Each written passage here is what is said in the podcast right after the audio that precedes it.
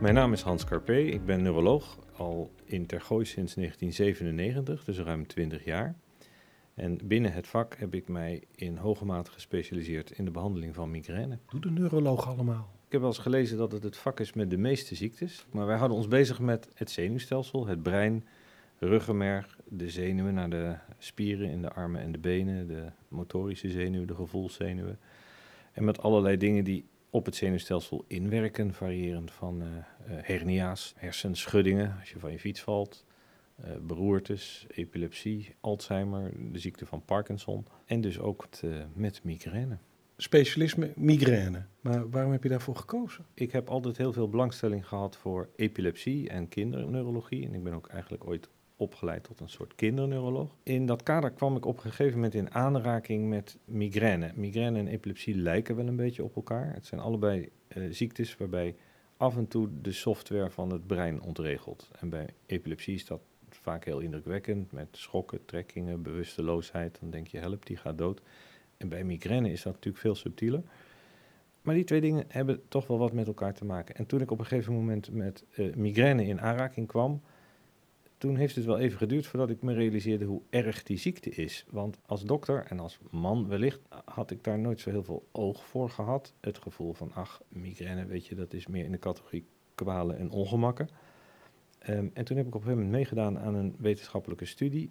En daarvoor moesten mensen tijdens een migraineaanval naar het ziekenhuis komen. Uh, dan werd ik gebeld en mevrouw Jansen die belt mij en die zegt, ik heb nu een migraineaanval. Nou, die mocht dan op kosten van het onderzoek in de taxi naar het ziekenhuis. En dan kreeg ze dan een infuus met toen revolutionaire migrainemedicijnen. En toen zag ik voor het eerst migrainepatiënten tijdens een aanval. En die mensen waren doodziek, die waren groen en geel, die gaven over, die lagen te huilen van de pijn. En voor het eerst, dat was voor mij als dokter een enorme eye-opener, zag ik hoe ziek mensen van migraine kunnen zijn. En dat heeft bij mij eigenlijk de belangstelling losgemaakt om me daarin te gaan verdiepen en te kijken hoe kan je migraine zo goed mogelijk behandelen en ook ja, hoe kunnen we het beter begrijpen wat er gebeurt. Ik was toen al halverwege mijn opleiding tot neuroloog en ik moet tot mijn schande bekennen dat in de gewone geneeskundeopleiding denk ik bijna geen woord aan migraine wordt besteed. Dat is gewoon helemaal geen ziekte die in, laten we zeggen, opleidingsprogramma van gewone dokters een belangrijke rol speelt. En ook voor de meeste neurologen is het eigenlijk niet een ziekte waarvan ze vinden dat dat erbij hoort. Je hebt er zelfs een boek over geschreven. Migraine is geen hoofdpijn. Ja, het, het, is een ziekte die onder andere leidt onder het feit dat hoofdpijn een belangrijk symptoom is. Hoofdpijn, daar hebben we met z'n allen de neiging van te denken, tja, weet je, dat hebben we allemaal wel eens. Dat stelt niet zo heel veel voor. Dat is geen ziekte. Hoofdpijn heeft ook wel een beetje een soort negatieve klank in de zin van zeuren. Hè? Zo van vanavond heb ik hoofdpijn. Of een hoofdpijndossier, iets wat je liever allemaal waar je niet mee bezig wil houden omdat hoofdpijn een belangrijk onderdeel van migraine is, helpt dat de ziekte als het ware niet om serieus genomen te worden. Terwijl je bij migraine ook symptomen hebt als niet goed kunnen zien, niet goed kunnen praten, zelfs helemaal halfzijdig verlamd raken. Er gebeurt dus bij migraine veel meer dan dat mensen hoofdpijn krijgen. En dat heb ik met de titel van mijn boek Migraine is geen hoofdpijn willen benadrukken. Dat ook al hoort hoofdpijn bij migraine, dat je het niet kunt omdraaien en zeggen migraine, dat is hoofdpijn. Net zoals je niet kunt zeggen een longontsteking, oh dat is koorts. Hoeveel vormen heb je van migraine? Je, je, hebt allerlei vormen van migraine. Laten we het zo zeggen, de simpelste manier om migraine onder te verdelen is in... Het is helemaal niet zo erg om af en toe een heel klein beetje migraine te hebben. Mensen die echt invalide zijn van de migraine. Dus je kunt migraine simpel te beginnen indelen in niet zo erge migraine en heel invaliderende migraine. Er zijn 2,5 miljoen mensen in Nederland die migraine hebben. Maar die zijn niet allemaal doodziek. Maar er zijn er een paar honderdduizend in Nederland bij wie het leven echt verpest wordt door de migraine. En er is hele ernstige invaliderende migraine. En dokters onderscheiden ook nog andere vormen. Wij zeggen je hebt migraine met en zonder neurologische uitvalsverschijnselen. En dat noemen we migraine met of zonder aura. En zo kun je nog wel meer onderscheid maken. Erkennen tegenwoordig ook dat er een soort uit de hand gelopen migraine bestaat, waarbij mensen eigenlijk bijna constant hoofdpijn hebben. En dat noemen we chronische migraine. En zo zijn er wel allerlei gradaties en, en verschillen binnen migraine aan te geven. Invaliderende migraine, wat moeten we daarbij voorstellen?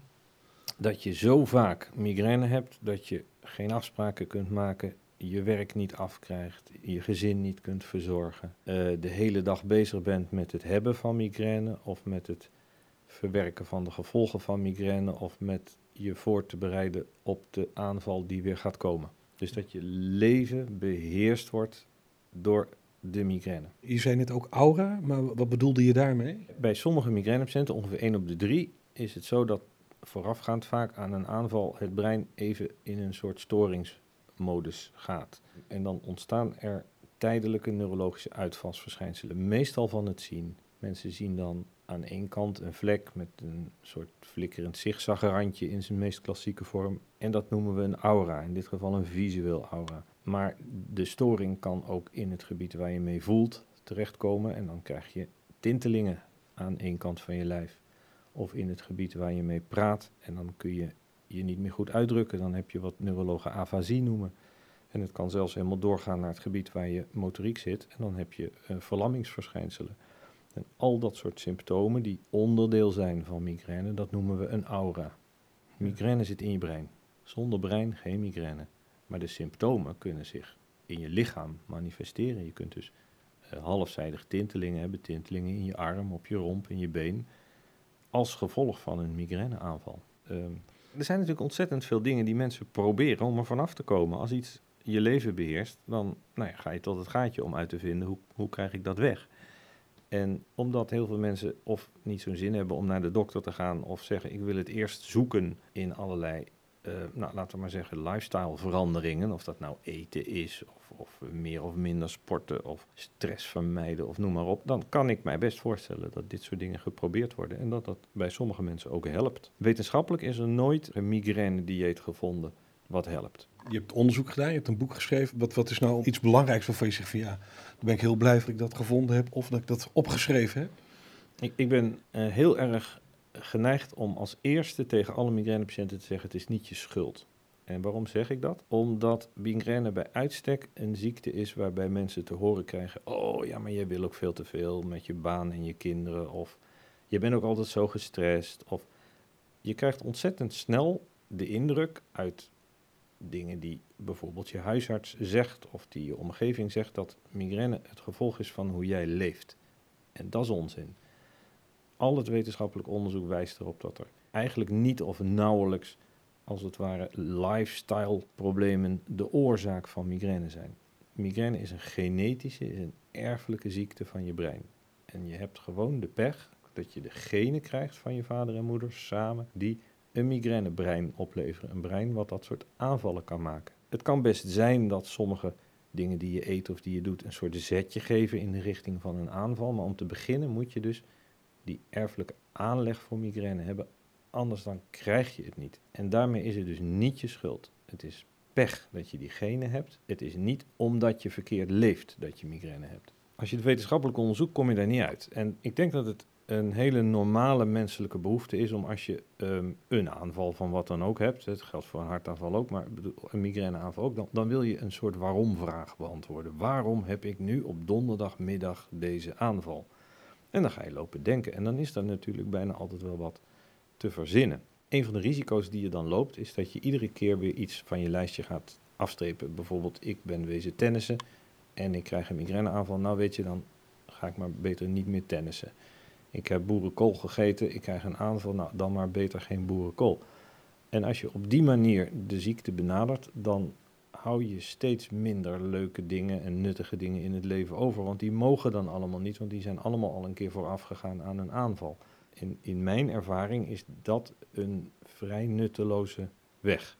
Alhoewel er absoluut anekdotes zijn van mensen die zeggen: sinds ik geen pindakaas meer eet, heb ik nooit meer migraine. Als je het mensen stiekem geeft via een voedingszonde, dan krijgen mensen die zeggen: Ik krijg altijd van chocola migraine. Die krijgen in het laboratorium van stiekem toegediende chocola geen migraine. Uh, het hele brein is natuurlijk al een spannend en tamelijk onbegrepen uh, gebied. En migraine behoort denk ik wel weer tot de meest ingewikkelde neurologische aandoeningen. Als je ziet hoeveel het voorkomt, wat de impact is, dat de Wereldgezondheidsorganisatie het hoog in de top 10 zet van invaliderende aandoeningen, dan kan het alleen maar gelegen zijn in het feit dat het zo'n ingewikkelde ziekte is dat we het nog niet opgelost hebben. Want het gaat niet om gebrek aan geld of gebrek aan motivatie om het op te lossen. Het, het is gewoon ontzettend ingewikkeld om het op te lossen. Migraine is geen stevige hoofdpijn. Nee, migraine is uh, alleen maar uh, stevige hoofdpijn met nog tenminste een aantal andere kenmerken. Je, je moet dan volgens afspraak tenminste ook misselijk zijn, tenminste ook last hebben van licht en geluid. En de stevige hoofdpijn moet toenemen als je je inspant. Een aantal misverstanden zijn dat je er altijd een aura bij moet hebben. Dat is dus niet zo. En een ander misverstand is dat je altijd moet overgeven. Dat is niet zo. Misselijkheid is meer dan voldoende. En dat het altijd aan één kant van het hoofd moet zitten. Hè. Migraine is een halfzijdige hoofdpijn. Maar bij de helft van de mensen is het niet halfzijdig. En dat is dus niet een keihard criterium. De criteria die ik noem zijn belangrijk. Het is ernstige hoofdpijn, er is misselijkheid, last van licht en geluid, toename bij inspanning. Er zijn dus ook mensen die alleen een aura hebben en daarna geen hoofdpijn. Heb ik ook af en toe. Komt denk ik heel veel voor, want uh, ze hebben dat eens bij neurologen onderzocht. Want die herkennen dat natuurlijk bij zichzelf wat betrouwbaarder. Op een congres iedereen een vragenlijstje gegeven van heb je wel eens een, een migraine-aura? 20% van alle neurologen op dat congres zei ja, ik heb af en toe een aura. Heel veel hebben daarna geen hoofdpijn. Dus het komt ook als geïsoleerd fenomeen zonder hoofdpijn voor. Ja, wie krijgen migraine eigenlijk? Um, vrouwen vaker dan mannen. Vier keer zo vaak. De leeftijd waarop het op zijn ergst is, is ruwweg tussen de 20 en de 50. Dus je kunt zeggen, de mooiste jaren van je leven zijn ook de topjaren voor migraine. Je ziet dat het vaak in de puberteit begint, geleidelijk aan erger wordt. Zo met een jaar of 30, 40, 50 is die op zijn piek. En daarna neemt het bij heel veel mensen weer af. Maar ik heb patiënten van 80 met migraine, dus het gaat niet bij iedereen over. En ik heb ook kinderen van 5 met migraine. Op de basisschool heeft 1 op de 20 kinderen migraine. In iedere klas zit een kind met migraine. Als je dan kijkt bij vrouwen, dan heeft 1 op de 4, 5 vrouwen heeft migraine. En dat is dan onduidelijk waarom vrouwen het meer krijgen dan mannen? Het, het is niet echt super duidelijk, maar de uh, meest voor de hand liggende reden is dat dat te maken heeft met hun hormonale schommelingen. Dat het te maken heeft met de oestrogeenspiegel die schommelt en dat een negatieve invloed heeft op het krijgen van migraineaanvallen. Hoe erg uh, kan het zijn? Complicaties? Dat is een ingewikkelde vraag. Als je bedoelt hoe erg kan het zijn in de zin van wat kan de impact van migraine zijn, dan ken ik heel veel mensen die zeggen mijn hele leven is verpest door migraine. Ik zie natuurlijk wel het topje van de ijsberg, maar ik zie denk ik iedere week mensen die eigenlijk al hun energie kwijt zijn aan hun migraine, die arbeidsongeschikt geraakt zijn wegens migraine uh, of een heleboel ambities hebben moeten opgeven vanwege migraine.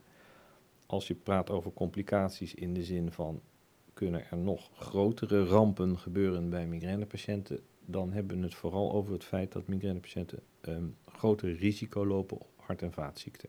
Dat risico is ongeveer vergelijkbaar met het risico op hart- en vaatziekten als je diabetes hebt. Dus dat is best een, um, een fors iets. Dat geldt vooral voor um, mensen die veel aura's hebben. En die raden we ook echt aan om zuinig te zijn op hun bloedvaten. Dus uh, voorzichtig te zijn met dingen die slecht zijn voor je bloedvaten. Niet te roken. Uh, te letten op bloeddruk en cholesterol. En misschien ook voorzichtig te zijn met de anticonceptiepil. Het gaat echt om mensen die regelmatig... Ja, dat, dat, gaat dan over de topje van de ijsberg. Patiënten die um, um, meerdere migraine met aura-aanvallen per maand hebben. Ja, weet je, als je vrouw bent en je bent 25, dan is je risico op hart- en vaatziekten misschien 1 op 100.000. En laat dat dan 2 of 3 op 100.000 worden, dat is nog steeds een superklein risico. Daar moet je niet van wakker liggen. Als er nog dingen bij komen, hoge bloeddruk, diabetes, uh, wat hogere leeftijd of je bent een stevige roker. Nou ja, dan telt dat op een gegeven moment wel op tot wat meer substantiële risico's. En dan zijn dat ook wel dingen waar we rekening mee moeten gaan houden.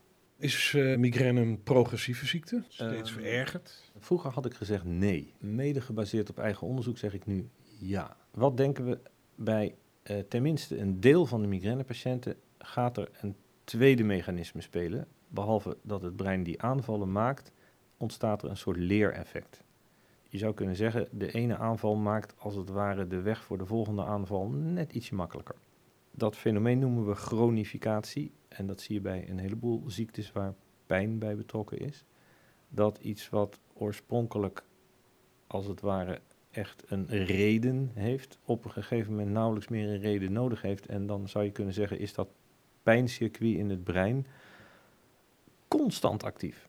Dus je ziet dat mensen dan van een ziekte met aanvallen eigenlijk geleidelijk aan afglijden naar een soort continue brein, brei van klachten.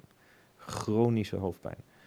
Uh, vroeger hadden we dan gezegd dat is geen migraine meer. Dat telde gewoon niet als migraine. En dus was het geen progressieve ziekte. Inmiddels zeggen we nee, dat is gewoon een complicatie van migraine bij sommige mensen, dat het chronificeert, dat het um, van een aanvalsgewijze aandoening naar een chronische aandoening gaat, waar je bijna iedere dag last van hebt. En dat gebeurt bij ongeveer 5 op de 100 migrainepatiënten per jaar. Is dat veel? Is dat weinig? Dat, dat is in zoverre best veel dat, uh, nou, ik denk bijna de helft van alle patiënten die ik zie, chronische migraine hebben. En dat gaat in Nederland rustig om 100.000 patiënten. Ja. En een rol speelt daarbij dat um, ook de behandeling van migraine soms verkeerd kan uitpakken. Um, je hebt pillen om migraineaanvallen te bestrijden, pijnstillers, triptanen. En als mensen die heel frequent nemen, dan lijkt dat dit proces van chronificatie in de hand te werken. Dus je zou kunnen zeggen dat de behandeling van migraineaanvallen, als je dat te vaak doet, in de hand werkt dat je in een soort chronisch probleem terechtkomt. Een van de invalshoeken bij chronische migraine is dat je kijkt, slikt iemand te veel anti-migrainepillen en als dat zo is, dan moet hij detoxen. En dan zie je dat bij een deel van de patiënten het probleem ook weer verdwijnt. En bij een ander deel niet, dan is kennelijk dat leereffect in het brein, eh, wat we sensitisatie noemen, dat gevoeliger worden als het ware van pijncircuits, dat is dan in een soort onomkeerbare toestand terechtgekomen. En wat is dan detox? Detox wil in Nederland zeggen dat je radicaal stopt met alle pillen, de migraine zijn gang laat gaan. In het begin heb je dan dus echt knallende migraine, ben je doodziek. En het brein moet dan als het ware weer leren om zelf een migraineaanval te stoppen.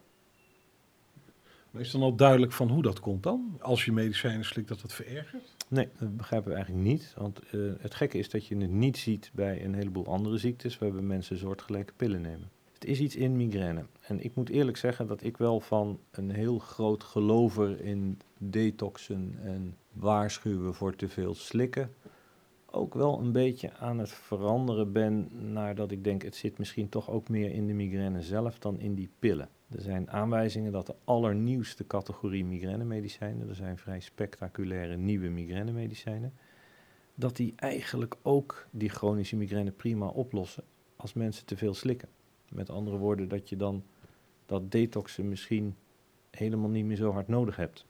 En dat het misschien meer is dat mensen zoveel migraine hebben en daarom te veel slikken.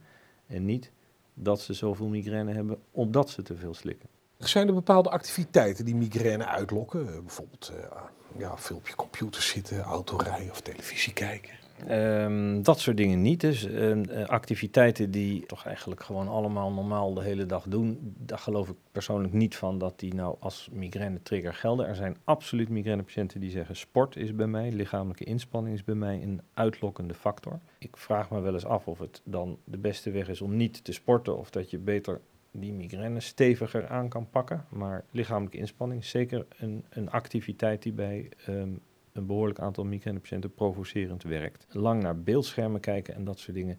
Niet in het algemeen. Nogmaals, iedere migrainepatiënt heeft zo'n beetje zijn eigen verhaal en soms ook de conclusie getrokken dat dit soort activiteiten wel degelijk migraine uitlokken. En dat ga ik dus niet tegenspreken, want een patiënt heeft altijd gelijk. Maar wetenschappelijk is er op dat vlak niet zo heel veel. Uh, is er ontwikkeling in de behandelmethodes tussen vroeger en nu? De behandeling van migraine is uh, de afgelopen nou, 25 jaar echt ongelooflijk veel beter geworden. Toen ik nog een jonge neuroloog was, uh, kwamen de triptanen. Dat waren de pillen om migraineaanvallen te bestrijden. Voor het eerst waren er dus specifiek pillen om een migraineaanval te stoppen. Dat was al een enorme doorbraak, 1990, 95. Daarna is er een hele tijd niet zo heel veel gebeurd. En hadden we op het gebied van het bestrijden van aanvallen de triptanen. En dan had je ook nog medicijnen die je preventief nam. Iedere dag pilletjes slikken om migraineaanvallen te voorkomen. En dat laatste, dat deden we meestal met medicijnen die voor iets anders verzonnen waren. Bijvoorbeeld tegen hoge bloeddruk of tegen epilepsie. Daar komt die connectie met epilepsie even waar ik het aan het begin over had. heel veel pillen tegen epilepsie hebben ook een gunstig effect op migraine.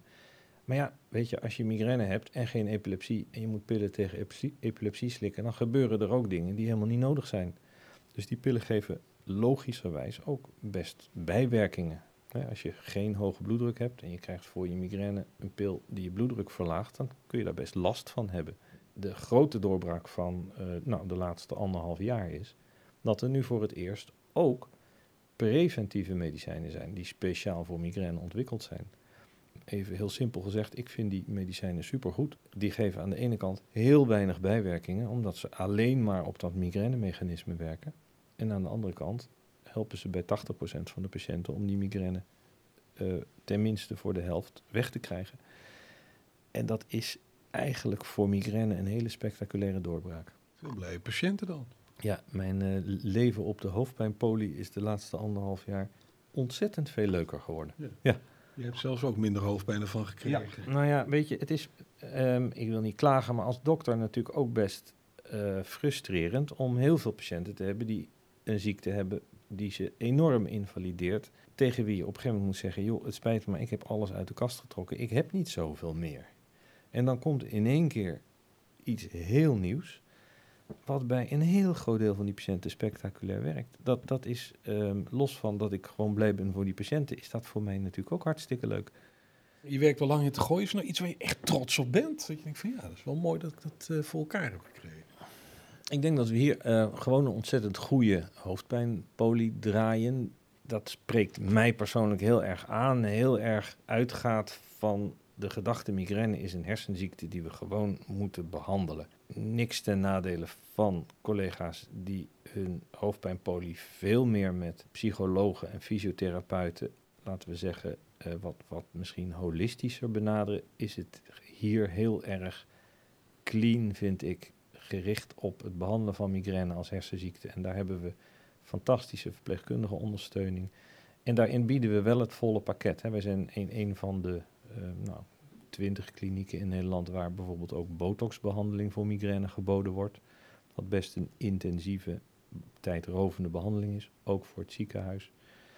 Um, nou, daar heb ik um, goede ondersteuning van twee fantastische verpleegkundige specialisten voor. De hele sfeer in huis rond de hoofdpijnpolie is, ja, dat kunnen we doen, dat gaan we doen. Mensen zijn welkom uit grote delen van Nederland. En daar hebben we in die zin best een reputatie in opgebouwd dat we uit een uh, hele brede regio, niet alleen uit het gooi, patiënten zien die nou, met veel tevredenheid van die hoofdpijnpolie gebruik maken. Ben ik wel trots op. En ja, dat is toch een, een inspanning die we met de vakgroep en met de verpleegkundigen hebben kunnen leveren. Botoxbehandeling. Is toch tegen... Uh... Ja, het is dezelfde botox die je gebruikt tegen de rimpels. En de botox van de cosmetische kliniek. En diezelfde botox is uh, geregistreerd en wordt ook uh, volledig door de zorgverzekeraar vergoed als je dat inzet op een bepaalde manier bij mensen met chronische migraine. Waarschijnlijk is het niet zozeer een middel wat de migraine sec behandelt, maar wel iets doet tegen die chronificatie, tegen dat mechanisme van sensitisatie. En ik begon daar best een beetje sceptisch aan, uh, een jaar of twee geleden. In sommige landen is het voor dokters commercieel heel erg aantrekkelijk om dat te bieden. En ja, in Nederland hebben we altijd een wat strengere blik op dat soort dingen. En, en zeggen we van dat is allemaal wel erg commercieel. Maar ik heb toch in de loop van de tijd gemerkt dat een behoorlijk deel van de patiënten die ik daarmee behandel, daar enorm van opknapt. En het grote voordeel van die botox is dat het verder heel weinig bijwerkingen geeft. Ik bedoel, je wordt er niet duf van, je wordt er niet dik van. Dat is absoluut een behandeling waarvan ik toch heel blij ben dat we die nu kunnen bieden. En dat is dan net zoals je met je rimpels moet je af en toe terugkomen. Ja. Dat is hier ook het geval? Ja, ja. het nadeel van botox is uh, als het werkt raakt het altijd weer uitgewerkt. En dan moet dan ongeveer iedere drie maanden herhaald worden. Ja. Ja, heb je ook een voorbeeld van een verhaal over een patiënt waar je met extra voldoening op terugkijkt? De mensen die ik zie, die, die kunnen veelal gewoon hun uh, beroep nauwelijks meer uitoefenen of hun gezin nauwelijks meer draaiende houden. En als neuroloog zie je heel veel mensen bij wie dat gewoon onvermijdelijk is. Mensen die de ziekte van Parkinson hebben tien jaar lang, die krijgen steeds meer symptomen en klachten. En je weet gewoon uiteindelijk zullen die niet meer voor zichzelf kunnen zorgen. Um, dat geldt natuurlijk vaak ook voor mensen met een beroerte. Wij zien best, best veel mensen met ernstige invaliderende ziektes, ja, die je niet meer beter kan maken. En dan heb je opeens de mogelijkheid om patiënten te behandelen. En dat is nu met die nieuwe CGRP-remmers zeker zo, maar daarvoor was dat toch ook af, en toe zeker het geval. Mensen die jarenlang door die migraine enorm op hun kop gezeten worden, heel erg geïnvalideerd zijn, die dan voor het eerst eens te horen krijgen hoe het zit. Ik vind het ehm, heel belangrijk om uit te leggen, wat ik net al zei, het is niet je schuld, het is een genetische hersenziekte en we gaan hem gewoon behandelen.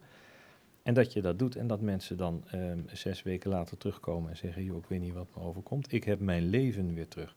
Die zin, ik heb mijn leven weer terug, ja, dat hoor ik van behoorlijk wat patiënten. En dat is natuurlijk heel erg leuk om dat te horen als dokter. En of je nou eh, werkt in een universitair ziekenhuis als eh, superspecialist of dat je op de markt staat met een fruitkraam, dat doet er niet toe. Het gaat erom, je hebt je leven weer terug. Maar ehm, ja, hoe ga je om met leed en emoties Ja. van patiënten? Ja. Ik kan er betrekkelijk makkelijk mee omgaan, denk ik. Ik neem het niet mee naar huis. Ik probeer me wel in te leven. Ik bedoel, er gaat bij mij wel echt een doos Kleenex in de week doorheen, omdat er heel wat patiënten zijn die in huilen uitbarsten. En, en met name als ik ook zeg, joh, het is gewoon een ziekte, het is niet je schuld, we gaan het behandelen, er zijn oplossingen, dan eh, zijn er ontzettend veel patiënten die eh, heel emotioneel worden. Als ik net zo verdrietig en wanhopig word als sommige van mijn patiënten, daar heeft die patiënt niks aan. Dus Wat staat er in de toekomst te gebeuren? de eerste stap is dat we de Nederlandse overheid ervan moeten overtuigen dat die fantastische nieuwe, maar wel wat kostbaardere migrainemedicijnen ook beschikbaar moeten komen. Want dat heb ik nog niet verteld. Hè, dat spectaculaire nieuwe spul, dat is op dit moment nog niet opgenomen in het geneesmiddelvergoedingssysteem. Dat wil zeggen, op dit moment zitten er nog een aantal eh, gratis programma's bij een aantal farmaceutische bedrijven waarin patiënten mee kunnen doen. Die stoppen vermoedelijk ergens in 2021. En dan zijn we afhankelijk van een beslissing van het Zorginstituut en de minister om die medicijnen toe te laten. Dus op de korte termijn is mijn clubje, de Nederlandse Hoofdpijnvereniging, dat zijn alle Nederlandse neurologen die zich bezighouden met hoofdpijn, druk bezig om het Zorginstituut te overtuigen van nut en noodzaak om deze medicijnen beschikbaar te maken. Eh, dat is de korte termijn. De, de wat langere termijn is dat er steeds beter begrip zal komen voor wat er precies gebeurt in een migraineaanval en steeds meer de mogelijkheid om exact getarget in die mechanismen in te grijpen, waardoor we steeds meer migrainepatiënten perfect kunnen behandelen. Ehm, ik heb het nu net gehad over 80% die tenminste de helft opknapt, maar wat hij uiteindelijk wil is een medicijn wat bij 100% alle migraine wegneemt. Dus er is in dat opzicht nog heel veel wetenschappelijk onderzoek te doen, ehm, nog heel veel te ontrafelen en dat gaat nu heel leuk, want eh, we begrijpen het brein steeds beter. En, eh, je ziet, het hersenonderzoek is natuurlijk eh, enorm booming. En daar profiteert ook het migraineonderzoek van. En mijn vak. Voor neurologie is, is veel leuker. Je kunt veel meer dan toen ik begon. Wat is er al mogelijk in de thuissituatie of ondersteund door e-health? We- zijn natuurlijk op dit moment in een enorme revolutie als het gaat om eh, afstappen van het ouderwetse in de wachtkamer zitten, wachten tot de dokter je roept en eh, dan voor een praatje van 10 minuten in die spreekkamer zitten. We, gaan dat allemaal steeds meer gewoon telefonisch of met video eh, consulten oplossen. En migraine leent zich daar fantastisch voor. Aan een migrainepatiënt hoef ik niet heel veel te onderzoeken of te zien. Dus dat is toch een ander soort ziekte dan Parkinson, waarbij je met één blik, bij wijze van spreken in de wachtkamer al aan de patiënt ziet, oh die heeft Parkinson. En waarbij de patiënt het vaak zelf heel moeilijk vindt om uit te leggen waar die nou last van heeft. Migrainepatiënten kunnen heel goed uitleggen waar ze last van hebben. Het is een, een ziekte die volledig via de taal aan een ander kan worden eh, duidelijk gemaakt. Ik kan mij dus, ik hoef ze eigenlijk bijna nooit fysiek te zien. Waar wil je jezelf vooral op eh, richten of blijven richten?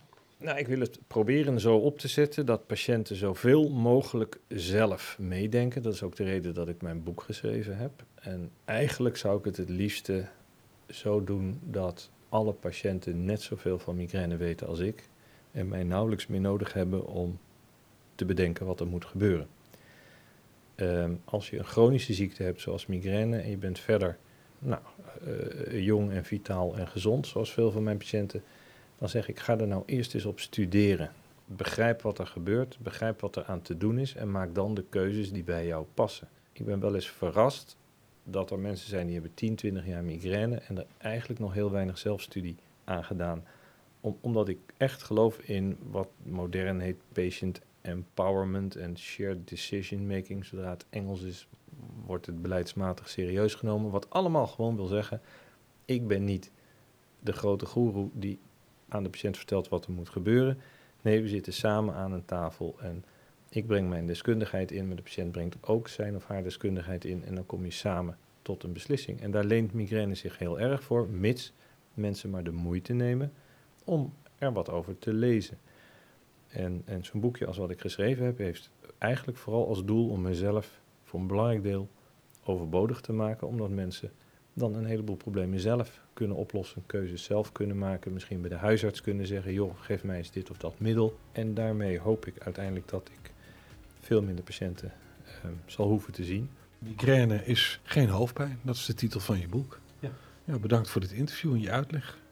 Graag gedaan, ik vond het hartstikke leuk om te doen.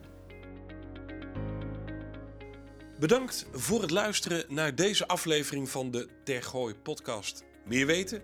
Ga dan naar tergooi.nl slash podcast.